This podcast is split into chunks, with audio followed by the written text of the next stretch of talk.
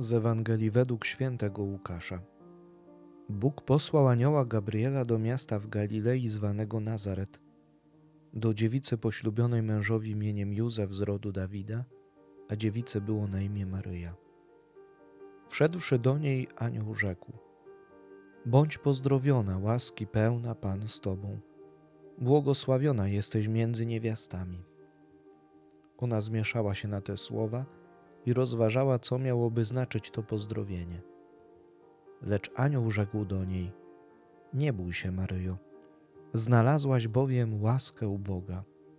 Oto poczniesz i porodzisz syna, któremu nadasz imię Jezus.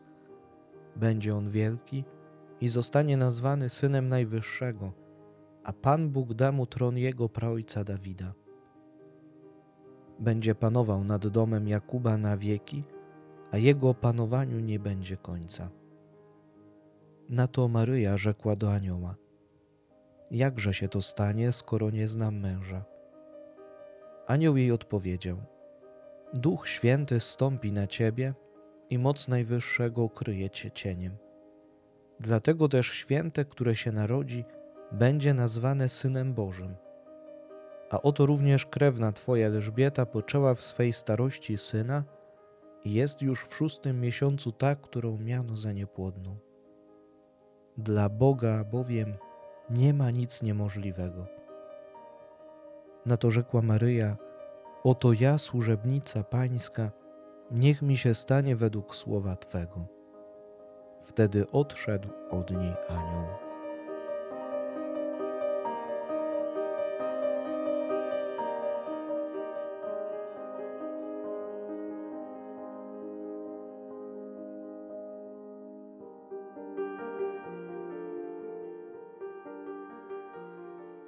Dzisiejsza Ewangelia pokazuje nam Maryję, która rozmawia z aniołem, z wysłannikiem Boga. I dla mnie jest to taki przykład rozeznawania woli Pana Boga. Zobacz, że kiedy anioł przychodzi do Maryi, to Maryja nie zgadza się od razu na ten plan, który ma Bóg wobec niej.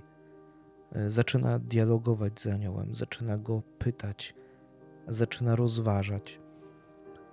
Często stajemy właśnie przed różnymi pytaniami, staramy się znaleźć odpowiednią drogę, drogę naszego powołania, drogę naszego życia.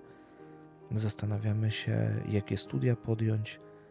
I możemy szukać odpowiedzi na te wszystkie pytania właśnie na modlitwie, na takim e, duchowym rozeznawaniu.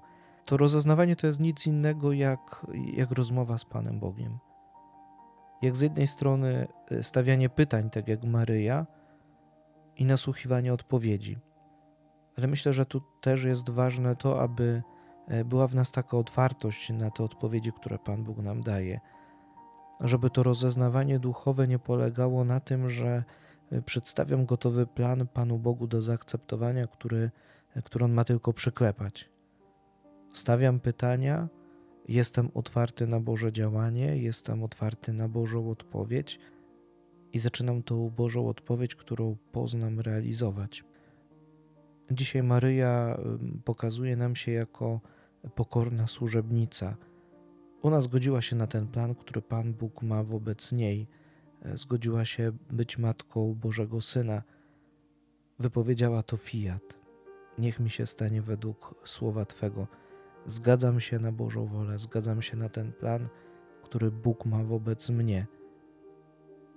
I o to chyba też chodzi w naszym życiu, abyśmy e, byli otwarci na to Boże działanie i potrafili na nie tak z wiarą, jak Maryja odpowiedzieć.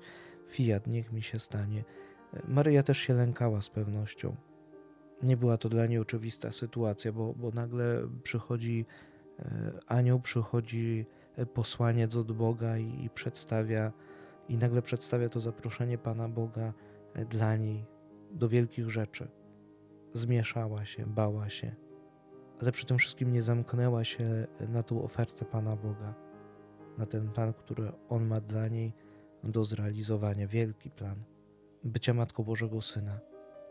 Uczmy się od Maryi, uczmy się od Maryi takiej otwartości, uczmy się otwarcia na Bożą wolę, szukania tej Bożej woli w naszym życiu i takiego zawierzenia, zaufania, że jeśli zacznę realizować ten Boży plan, który rozeznam, to będę szczęśliwy, bo Bóg będzie ze mną. On mi będzie błogosławił. E, on nigdy nie stawia przede mną takiego planu, nie ma dla mnie nigdy takiego planu, który był ponad moje siły, bo On w tym wszystkim będzie, będzie pomagał mi to realizować. Maryja jako pokorna służebnica, niech mi się stanie według Twojego słowa. Czasami może nam się wydawać, że, że stajemy przed takimi czy innymi problemami, które są nie do rozwiązania, że stajemy przed, przed ścianą wręcz, której nie można w żaden sposób obejść, ominąć. I Bóg dzisiaj też daje nam zapewnienie przez przykład e, chociażby świętej Elżbiety, tej, która była niepłodna i w starości poczęła jeszcze syna. Dla Boga nie ma nic niemożliwego. Dla Boga nie ma takiej sytuacji, z której nie ma wyjścia. E, dla Pana Boga nie, nie jest niemożliwe to, żeby ze zła wyprowadzić dobro. Jeśli Jemu zaufam, jeśli Jemu powierzę tą trudną sytuację, to On w niej zaczyna działać i zaczyna ją zmieniać. Ale muszę właśnie Jemu zaufać, Jemu to powierzyć, Jemu to wszystko oddać, po to, żeby się zaczęła, zaczął realizować Boży plan. Tego dzisiejszego dnia y, pomódlmy się może w sposób szczególny za, za dzieci poczęte aby znalazły kochających rodziców, aby zostały przyjęte z otwartością, z miłością, aby miały swój kochający dom na ziemi.